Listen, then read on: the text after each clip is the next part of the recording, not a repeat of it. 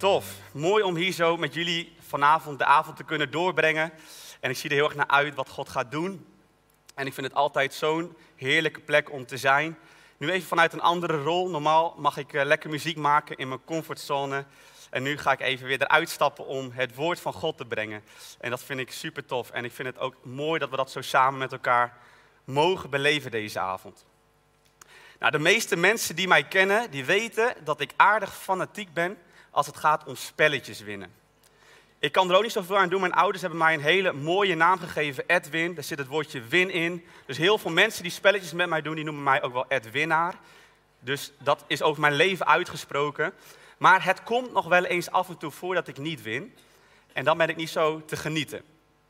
Nou, sinds een half jaar heb ik een hele fanatieke squashcarrière.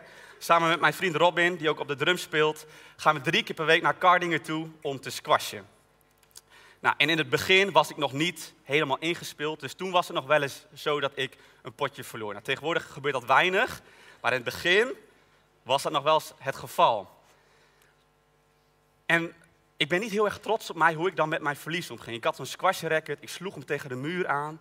Ik gooide hem door de ruimte. Dus het is een wonder überhaupt nog dat Robin hier drums kan spelen. En dat hij geen blijvend letsel heeft. En uh, trouwens, ik weet niet of Michelle hier is. Anders, uh, Michelle, sorry dat ik uh, met jouw rekker door de ruimte gooi. Ik zorg dat ze weer goed terugkomen. Want dat is niet helemaal de bedoeling van iets wat je leent.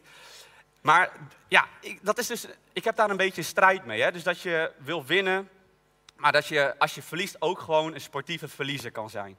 En een paar weken geleden gingen wij met de staf van de Stadskerk, dus alle mensen die ook in dienst zijn, gingen wij uh, op stafretreat. Dat doen we eens in het jaar om gewoon te kijken naar hoe gaat het met ons als team, wat zijn de plannen.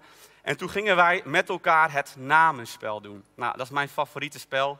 Ik vind het geweldig om dat te doen. Hoe gaat dat dan? Je schrijft op een papiertje schrijf je een naam op en die moet je gaan omschrijven of moet je uitbeelden. En ik zat in het team met de oudjes en ik wist al, dit is niet best. Ik ga verliezen. Ik zat namelijk met Arjan, met Alice en Jacomien. Super lief allemaal, maar ik dacht, ze zijn vast niet zo heel goed in spelletjes, in dat spelletje. Nou, en dan heb ik tegen mij overzitten Guus, Mark, Jochem, die ook allemaal super fanatiek zijn. Dus ik dacht, ja, dit is, een, dit is echt een gelopen race. Maar ik ga daar geen genoegen mee nemen. Dus ik werd heel fanatiek. En um, uh, op een gegeven moment nou, stonden we achter. En, en, en toen ging Mark en Jochem gingen vals spelen. Ja, daar zijn ze nog steeds niet mee eens, maar ze gingen vals spelen. Ze gingen hun eigen regels bedenken tijdens het spel. Ik dacht, nee, ook al sta ik heel ver achter, ik ga dit niet toelaten. Dus ik werd fel, ik ging staan. Ik zei, stop hiermee, dit kan niet, je mag dit niet doen. Dus, en ik, ik liet me helemaal gaan. Nou ja, zoals in de verwachting lag, ik had verloren. Dus op een gegeven moment zei ik heel snel, Annemieke gefeliciteerd. En toen liep ik de kamer uit. En uh, toen was het voor mij wel uh, eventjes, ik moet even afkoelen. Terwijl ik dus niet in die ruimte was, zei Theo van den Heuvel, die in het winnende team zat, tegen Mark. Hé, hey, maar Mark, was dit nou serieus of was dit nou een toneelstuk? Mark zegt, Theo, dit is, dit is Edwin echt. Dus mijn hele reputatie en beeld van rustige jongen die lekker vredig piano speelt op het podium, die was even helemaal van tafel geveegd. Ik ben gewoon een slechte verliezer en ik wil wel mijn best doen om een goede verlies te zijn. Maar ja, wat ik al zei, ik heb mijn naam ook niet voor niets gekregen, dus ik ben gewoon een winnaar. Klaar. hey, we willen, in het leven willen wij graag overwinningen zien. Als ons voetbalteam wint, dan is heel het land staat op zijn kop met Mark, met, Mark Verstappen, Max Verstappen, die, die won. En dan is iedereen ineens helemaal Formule 1-fan. Wij gaan heel goed op overwinningen. En ook als we naar onze eigen levens kijken, dan willen we heel graag vaak winnen. Maar om te kunnen winnen, moet je een strijd leveren. En die strijd die vinden we vaak niet heel fijn. Dat kost namelijk moeite. Wat we graag zien in ons leven is dat we overwinningen behalen met minimale inspanning. Maar ja, zoals we allemaal wel weten, zo werkt het leven niet. We kennen allemaal, op onze eigen gebieden kennen we wel strijd. We hebben verlangens. We willen zien dat die verlangens vervuld worden, maar soms gaat dat niet vanzelf. En moeten we strijd leveren. En dat vinden we vaak moeilijk. En daarom is het ook heel goed en heel belangrijk om te kijken, wat zegt Gods woord over strijd en hoe mogen wij op een bijbelse manier gaan leren om met strijd om te gaan. En in de voorbereiding voor deze preek zat ik daar ook naar te kijken van oké God, wat wilt u vertellen? Wat wilt u ook door dit thema heen gaan laten zien aan ons? Het thema was Fighting on My Knees. En het gaat dus ook over strijd voeren. En hoe voeren wij de strijd? En ik kwam uiteindelijk bij het verhaal van koning Jozefat terecht. En koning Jozefat was een koning in het Oude Testament.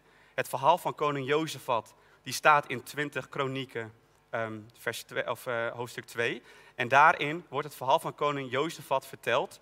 Um, ik zeg het verkeerd, 2 kronieken, vers, uh, hoofdstuk 20. Daar wordt het verhaal verteld van koning Jozefat, die koning was van het land Juda. En die koning, uh, gehoorzaamde God. Hij was heel erg trouw aan het woord van God. Hij luisterde naar God en hij gehoorzaamde God. En op dat moment zag hij ook dat dat gezegend werd door God. Die gehoorzaamheid van koning Jozefat werd gezegend. En veel landen eromheen, die lieten koning Jozefat en Juda met rust. Want ze zagen hoe hij God volgde. Hoe hij de Heer diende. En daardoor dachten ze van, wij willen niet daaraan gaan komen. Want dan weten we dat het met ons verkeerd gaat aflopen. En hij nam zijn volk daar ook echt in mee. En hij zei ook tegen zijn volk van, heb vrees voor de Heer. Wees trouw aan de Heer. En zorg ervoor dat je aan hem toegewijd bent. En je zag dus dat daar heel veel zegen op rustte. Heel veel landen, heel veel koningen gingen naar koning Jozefat toe en gaven hem geschenken. Uh, en daardoor werd hij machtiger en machtiger. Maar op een gegeven moment kreeg, kwam er een boodschapper naar koning Jozefat toe en die zei, de Moabieten en Ammonieten, die komen eraan. En die, gaan oorlog, die willen de oorlog aangaan met, jou, met jouw land. En op dat moment was er strijd, dus ineens uit het niets kwam de strijd naar koning Jozefat toe. En wat ik al zei, van wij kennen allemaal strijd in ons leven, maar hoe gaan wij met die strijd om? En vanavond wil ik ook gewoon open en kwetsbaar zijn over de strijd die ik ook in mijn leven ken. Want we kunnen wel hier mooie verhalen gaan vertellen, maar volgens mij moeten we gewoon echt gaan zijn vanavond met elkaar. En daarom wil ik daar ook een stap in zetten richting jullie, om te laten zien dat de jongen die hier altijd piano speelt, ook strijd in zijn leven kent. Veel mensen die kijken naar mij of die kijken naar mensen op het podium en denken, oh, die heeft wel een hele goede relatie met God en dan gaat het allemaal voor de wind. Nou, ik kan je één ding zeggen, dat is niet waar. Ik ken ook strijd in mijn leven. Ik mocht afgelopen juni, een jaar geleden, mocht ik 30 worden. En ik vond het verschrikkelijk om 30 te worden. Waarom? Nou, omdat ik had gedacht dat ik wel op een andere plek in mijn leven zou zijn als ik 30 was. Dat ik getrouwd zou zijn, dat ik misschien een gezin mocht hebben. Maar ik was nog alleen. En ik keek naar mijn omgeving en mijn vrienden, die, hadden, die waren getrouwd of hadden al kinderen of hadden een huis gekocht. En dan zit ik daar in Vinkhuizen, in mijn, in mijn appartementje in, die ik huur, in mijn eentje, in coronatijd. Nou, ik vond het flink lastig. En dan word je 30 en Heel vaak is het zo dat je dan gaat kijken, oké, waar moet ik eigenlijk al zijn op mijn, op mijn dertigste? Ik loop toch vet ver achter? En ik was boos, ik was echt boos, ook op God. Ik dacht van, hoezo ziet u niet wat ik allemaal voor u doe? Dag in dag uit geef ik mijn leven aan u en wil ik voor u gaan. Maar wat is daar de beloning voor? Dat ik nu in mijn eentje op mijn dertigste in een appartementje zit, met totaal geen perspectief? U kent mijn verlangens toch, Heer? U weet toch dat ik graag een vrouw wil die bij mij past. Met wie ik het leven mag leven. En waarom zegent u Pietje en Jantje, of hoe je ook wil, genoemd wil worden. Waarom zegent u die allemaal, die helemaal niet voor u leven? En ik die alles geef?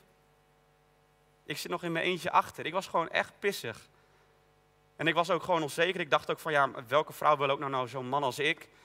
Er zijn heel veel leugens ook in mijn hoofd die helemaal met mij aan de gang gingen. En ik zag ook gewoon geen hoop, geen perspectief. En ik dacht van, ja, is dit nou de strijd die ik moet strijden? Ik heb daar helemaal geen zin in, Heer. Ik wil overwinning zien in mijn leven. Maar ik zag het gewoon niet. Kijk, en dat is nou even, dat is de strijd die ik in mijn leven ken. Maar zo zijn er ook van, bij jullie ook vast wel gebieden waar je strijd op kent. Ik heb ook het voorrecht om ook af en toe actief te zijn op een middelbare school hier in de buurt de Leo van Gelder, waar ik les geef. En ik zie ook zoveel leerlingen die strijd kennen. Oh, ik, mijn klepje staat open. Thanks. Echt handig die techniek, super jongens. Ehm, heel veel leerlingen die ook strijd kennen. Ik zie dat er zoveel depressie is onder jongeren. Vooral ook in de coronatijd zie ik dat veel jongeren het niet meer zien zitten of geen perspectief meer zien. Sommige mensen zijn helemaal niet tevreden met hunzelf, met hun eigen lichaam, hoe ze eruit zien. Maar het kan ook zijn dat er een strijd plaatsvindt op het gebied van verslavingen. Dat je porno verslaafd bent, seksverslaafd bent, dat je maar niet van die fles wijn af kan blijven, dat je aan de drugs zit of dat je rookt en dat je wel wil stoppen. Of juist heel fysiek, dat je worstelt met ziekte in je, in je, in je leven, dat je niet gezond bent. Er zijn zoveel vormen van strijd. En ik geloof dat iedereen die hier zit strijd kent. Alleen de vraag is, hoe ziet jouw strijd eruit? En hoe gaan we dan om met die strijd in ons leven? Want als we allemaal strijd kennen, dan moet er ook een weg zijn, een goddelijke weg, een bijbelse weg, hoe we hiermee om moeten gaan. En dan ga ik weer even terug naar het verhaal van koning Jozefat. Want hij hoorde dus dat hij werd aangevallen door twee volken, door de Ammonieten en Moabieten. En in vers 3, wat ook op het scherm eh, verschijnt, staat het volgende. Zijn reactie was als volgt. Jozefat, die schrok hevig bij het horen van dat nieuws. En besloot de Heer om raad te vragen. Hij kondigde in heel Juda een vastendag af. Nou, vasten is dat je niet eet, dus dat je je focus volledig op God wil richten en niet op het aardse, op het eten, wat je ook graag zou willen. Dus hij kondigde in heel Juda een vastendag af en uit werkelijk alle steden van Juda, het hele volk, kwam men bijeen om de Heer om raad te vragen. Ik vind het ontzettend bijzonder dat Jozef wat zo reageert. Hij raakt dus in paniek, hij schrikt, maar zijn allereerste reactie is niet denken van wow, wat gebeurt er? Nee, hij vraagt de Heer om raad. Hij roept het hele volk bijeen en ze gaan vasten met elkaar. Om samen te kijken, Heer, wat is uw wil? En op dat moment, als ze samen zijn als volk, stapt Jagaziel naar voren. Dat was een profeet in dat volk. Een profeet is iemand die woorden van God doorgeeft aan het volk. En Jagaziel die werd gegrepen door de geest van God en hij begon woorden van God uit te spreken over het volk Juda. En in vers 15 lezen we verder het volgende. Juda en Jeruzalem en uw koning Jozefat, luister goed. Dit zegt de Heer. Jullie hoeven niet bang te zijn voor de grote legermacht die jullie bedreigt. Want dit is niet jullie strijd, maar die van God. Ga hun morgen tegemoet. Zij trekken nu over de pas van Sis. Waar de wadi uitkomt in de woestijn van Jeruel, zullen jullie hen treffen. Dus in de woestijn zullen jullie de tegenpartij treffen. In vers 17 staat, jullie hoeven in deze strijd geen slag te leveren. Wacht rustig af. Dan zullen jullie zien hoe de Heer, die jullie, Juda en Jeruzalem bijstaat, voor jullie de overwinning behaalt. Jullie hoeven nergens bang voor te zijn en ga hun morgen tegemoet. En de Heer staat jullie bij. Jozefat, die boog zich diep voorover. En heel Juda en Jeruzalem knielde neer om de Heer hulde te bewijzen. En de levieten, dat waren de priesters, de aanbidders, die zongen staande met luid, met een luide stem, de lof van de Heer, de God van Israël. Ik vind het zo mooi om te zien wat de reactie van het volk is. Dat ze dus gelijk de Heer om raad vragen. En dat de Heer ook antwoordt door middel van die profeet Jagaziel heen. En hij zegt ook van, weet je, jullie hoeven geen slag te leveren. Jullie hoeven de strijd niet zelf te strijden, maar ik, jullie God, de God van Israël, zal de strijd voor jullie gaan strijden. En de levieten, de aanbidders in die tijd, die gingen zingen, die gingen muziek maken. En wat is aanbidding een krachtig wapen? Wat heb ik op jonge leeftijd al mogen ontdekken wat de waarde van aanbidding is? Wat, is, wat gebeurt er bij aanbidding? Bij aanbidding richt je de blik vanuit het aardse, van omstandigheden, ga je die richten op God. Wanneer we gaan zingen, dan verandert er iets in de atmosfeer. En dat zien we niet altijd gelijk, maar God is op dat moment aanwezig, want Hij verlangt ernaar dat wij ons hart verbinden aan Zijn hart. En op het moment dat het volk op de knieën gaat, zeggen ze daarmee eigenlijk, wij kunnen het niet, maar u kunt het wel. En dat was de reactie van het volk van Jozef, koning Jozef, wat van Juda.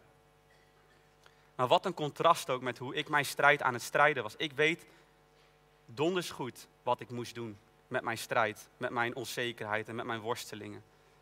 Maar toch ging ik het heel vaak weer zelf doen. Jarenlang mag ik hier de aanbidding leiden. Ik had toch wel moeten weten hoe ik met mijn strijd om moest gaan. Want ik weet toch dat de kracht zit in aanbidding. Ik weet toch dat wij ons moeten overgeven in aanbidding aan Hem. Maar toch deed ik het weer zelf. En zat ik op mijn kamertje en ik was er op een gegeven moment helemaal klaar mee. Uh, januari is nog maar vier maanden geleden. Toen dacht ik van, het voor mij niet meer op deze manier. Ik wilde echt de handdoek wel in de ring gooien. Dat ik dacht van, ja, prima, mooi om, mooi om elke, elke week, elke dag u te dienen. Maar hoezo? Ik word daarin helemaal niet gezien door u. Dus ik was er helemaal klaar mee. Ik dacht echt, laat allemaal maar lekker zitten. Ik heb helemaal geen zin om mezelf helemaal te geven voor deze kerk, voor uw koninkrijk. Als ik daarin toch niet gezien word. En ik zei tegen God, ik ben er klaar mee. En op een hele gekke manier pakte ik er toch weer een boek bij. Ja, dat zit dan misschien in het aard van een beestje. Maar ik dacht, ik, ik pakte het boek erbij, de Reset. Dat is een ontzettende aanrader trouwens. Het gaat over aanbidding en hoe je daar in je leven volledig aan Jezus mag geven. En ik was aan het lezen, ehm, terwijl ik daar helemaal geen zin in had. Maar ik deed het. En op een gegeven moment stond er, stond er iets in, waardoor ik echt het gevoel had, God zegt dit op dit moment tegen mij. En hij begon tegen mij te praten door dit boek. En hij zei tegen mij, Edwin, jij zegt wel tegen mij dat ik alles mag doen. Jij zingt wel elke maand op het podium, hier is mijn hart. Ik geef mij aan u. Hier ben ik volledig. Maar hij zegt, de verlangens die jij hebt naar een vrouw, naar kinderen, dat zijn hele mooie verlangens, maar die verlangens zijn bij jou op dit moment geboren uit je vlees, uit je eigen verlangens, om een leegte op te vullen die maar gevuld moet worden. Jij kijkt, jij kijkt niet naar mij, je kijkt naar je vrienden, je kijkt naar je omstandigheden. En toen zei hij tegen mij, Edwin, als jij wil dat ik in jou kan werken, geef dan alles aan mij. Geef dan je verlangens aan mij, want dan kan ik het gaan doen. En op een gegeven moment stond er in het boek, stond, als jij wil dat jij je leven volledig aan Jezus geeft, wil jij sterven aan jezelf, je eigen verlangens aan mij geven, zodat ik in je kan leven. Op dat moment legde ik mijn boek aan de kant en ging ik op mijn knieën. En ik zei, Vader, ik wil, ik kies, ik voel er op dit moment helemaal niks bij, want ik ben boos. Maar ik wil mij volledig aan u overgeven. Ik wil u vertrouwen. En ik weet dat wanneer uw plannen in mijn leven tot werkelijkheid komen, dat ze zullen gaan slagen.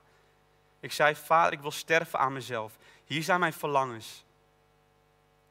Hier is mijn leven. Het is van u en het behoort u toe. En wat er toen gebeurde, dat de grond ging beven, dat de Heilige Geest ging waaien. Nee, dat gebeurde niet. Ja, dat is heel mooi geweest, maar er gebeurde niks. Het was gewoon stil in mijn kamer. Um, ik moest ook niet huilen, dat is ook al bijzonder. En het was gewoon echt een heel, het was een keuzemoment. Het was een keuze dat ik op mijn knieën mocht gaan en dat aan hem mocht overgeven. Dus dat was eigenlijk, ja, het was gewoon een, een keuzemoment. En daarin mocht ik later ook wel ontdekken wat, wat God allemaal daardoorheen ging doen. En ik ben ook wel benieuwd hoe jullie jullie strijd strijden. Herken je erin dat je elke keer weer zelf probeert om de touwtjes in handen te hebben? Dat je telkens weer zegt van ja, het komt wel goed. Maar dat je eigenlijk elke dag weer opstaat met het idee van ah, gaan we weer. Heb jij verlangens die al zo lang niet vervuld zijn? En het kan zijn dat jij je verlangens of dat je je pijn in je hart probeert te verdoven door telkens maar op weg te zijn. Of misschien naar de fles te grijpen. Of om andere manieren van verdoving te vinden. Maar heel veel van ons weten donders goed hoe het is om een strijd zelf te strijden. En zien geen vooruitgang. Maar ik geloof dat wij mogen leren om op onze knieën te gaan. Om daarmee te zeggen van ja God, u heeft gelijk, ik kan het ook helemaal niet alleen. Ik weet ook niet hoe het moet. Ik probeer wel elke dag in, dag uit om te gaan voor, voor u, maar ja, het lukt niet. En misschien ken je God nog wel eens, niet eens helemaal. Weet je niet wie die is. Maar herken je wel dat je strijd kent in je leven op plekken waar je weer zorgen maakt. Kom, kom ik deze maand wel door? Gaat het financieel wel allemaal lukken? Of ben je in conflict met andere mensen? Ja, weet je, ik noem maar wat voorbeelden op, want er zijn zoveel manieren van strijd. Maar ik geloof dat we mogen leren om te erkennen dat we het zelf ook niet kunnen, maar dat we God nodig hebben in onze strijd. Want als God voor ons gaat strijden, dan is er ruimte om zijn overwinning te gaan ontvangen.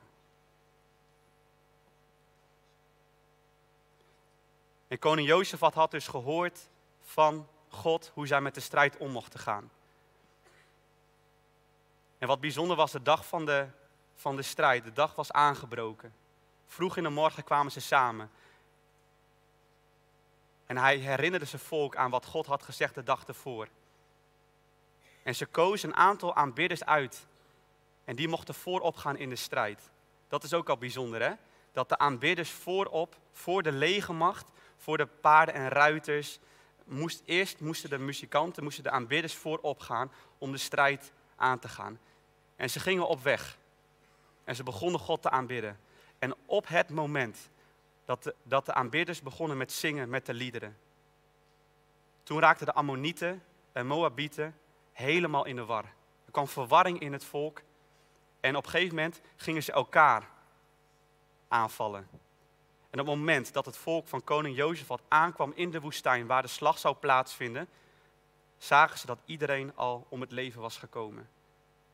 Zoals God had beloofd dat het volk van Juda geen slag hoefde te leveren, was realiteit geworden. Ze kwamen daaraan, ze zagen dat iedereen om het leven was gekomen.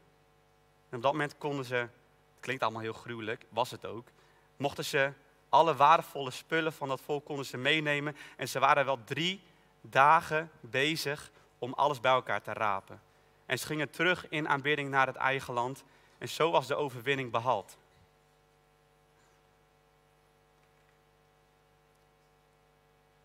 En dat staat ook in vers 25, dat ga ik nog even kort lezen. Jozefat en zijn leger gingen erop af om de buit binnen te halen. Het kostte wel drie dagen om alles te vergaren. En zo groot was de buit.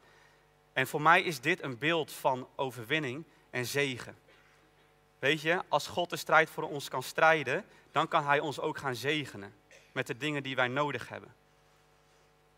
En wat ik al zei, begin januari zat ik er aardig doorheen. Maar ik had een keuze gemaakt vanuit mijn ratio, vanuit mijn hart, om op de knieën te gaan.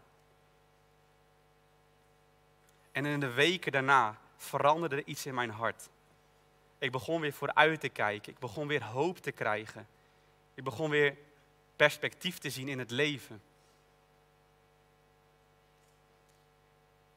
Ik werk hier al een aantal jaar, maar ik merkte ook dat ik hier ook wel een beetje vastliep. Van oké, hoe nu verder?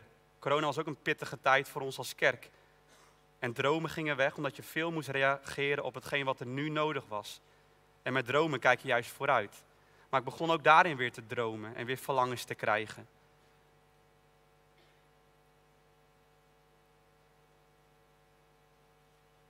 En de overwinning, die kwam steeds meer en meer.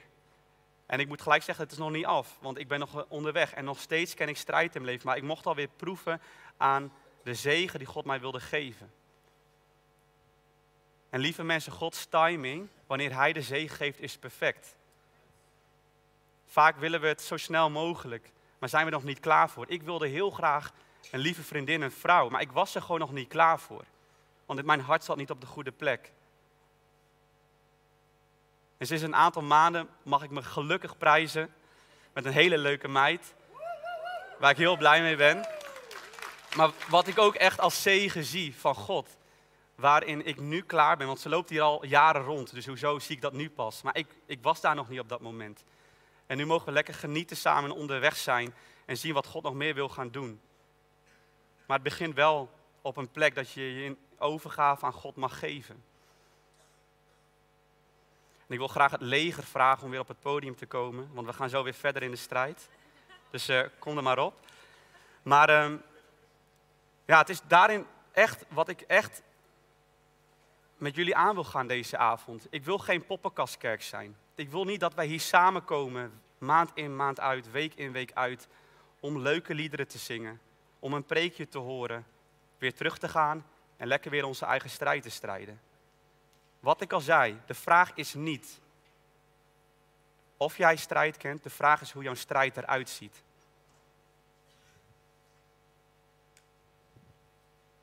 Dus ga eens naar jezelf. Ga eens nadenken van wat is de strijd die je kent. Wat zijn mijn verslavingen? Welke worstelingen ken ik in het leven?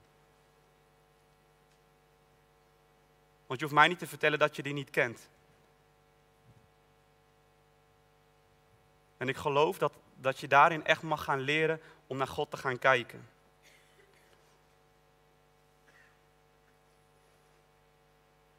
Om Hem toe te laten op plekken die je nog nooit hebt opengesteld. De afgelopen twee KC's heeft mijn hart gebroken.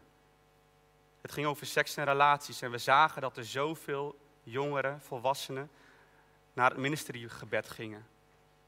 En de verhalen die ik heb gehoord, die breken mijn hart. Dat er zoveel schaamte en schuld zit op de strijd die wij kennen. Als je pornoverslaafd bent, dan ben je, geen, dan ben je niet verkeerd of dan ben je niet een eh, stuk rotzooi. Nee, als je pornoverslaafd bent, dan heb je Jezus nodig. En Jezus wil daarin herstel gaan brengen.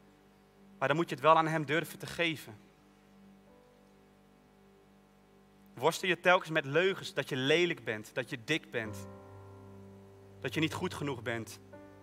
En ben je elke dag aan het strijden tegen die gedachten. Stop daarmee. Geef het over aan God, zodat Hij voor jou kan gaan strijden, dat Hij de waarheid kan gaan spreken in je leven. En ik geloof ook hier dat er hier een aantal mensen zitten die het leven eigenlijk niet meer zien zitten, die nagedacht hebben over om zelfmoord te plegen. Ik geloof dat er een beter alternatief is. En dat is dat jij op de knieën mag gaan om te zeggen: God, ik kan het niet meer. Ik ben op het punt gekomen dat ik het niet meer kan. En volgens mij moeten wij allemaal op die plek gaan komen, dat wij erkennen dat we het niet meer zelf kunnen. Want dan kan God het gaan doen door jou heen. En net als koning Jozefat en zijn volk, ze gingen op de knieën. Weet je, het leger van de Ammonieten en de Moabieten was zo groot. En als je met menselijke ogen naar die oorlog zou kijken, dan had Juda verloren. En als we kijken naar onze worsteling, naar onze strijd, dan kan het inderdaad soms veel te groot zijn. Maar je hoeft niet de strijd zelf te strijden, want wat hier in de Bijbel staat, dat geldt ook voor jouw leven. God wil ook jouw strijd strijden. En hij wil jou de overwinning gaan geven.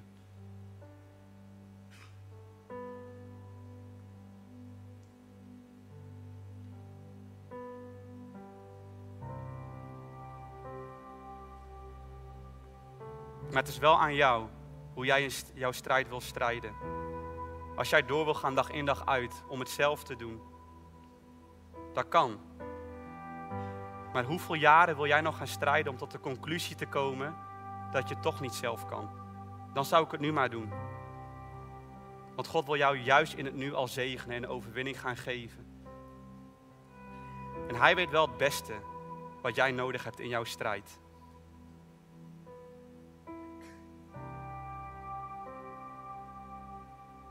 Mijn verlangen is dat wij een kerk zullen zijn die leert om op een juiste manier het leven aan te gaan. Dat we op onze knieën gevonden worden.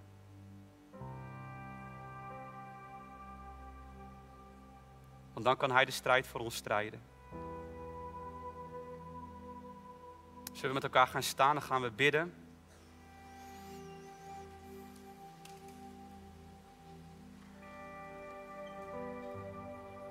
Geest van God, op dit moment nodigen we u uit om te spreken. En om ons te openbaren op welk gebied van ons leven de strijd op dit moment plaatsvindt.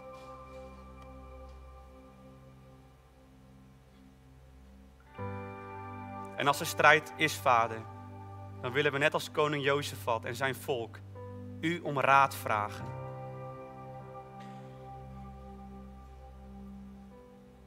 We willen u vragen wat nodig is in onze strijd. En we willen ontvangen wat u wilt geven.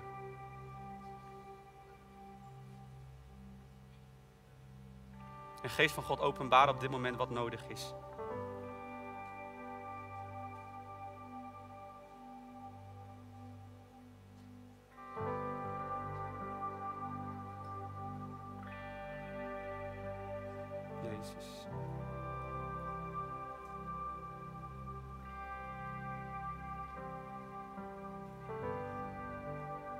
In de strijd die jij nu voelt of weet in je hoofd, wil ik tegen je zeggen, geef maar op.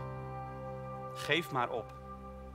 En geef het over aan Jezus, zodat Hij voor jou kan strijden. Het is aan jou hoe jij je leven wil inrichten. Maar ik kan je uit ervaring vertellen, er gaat niets op tegen een leven met Jezus. De wereld gaat jou niet brengen wat jij nodig hebt in je leven.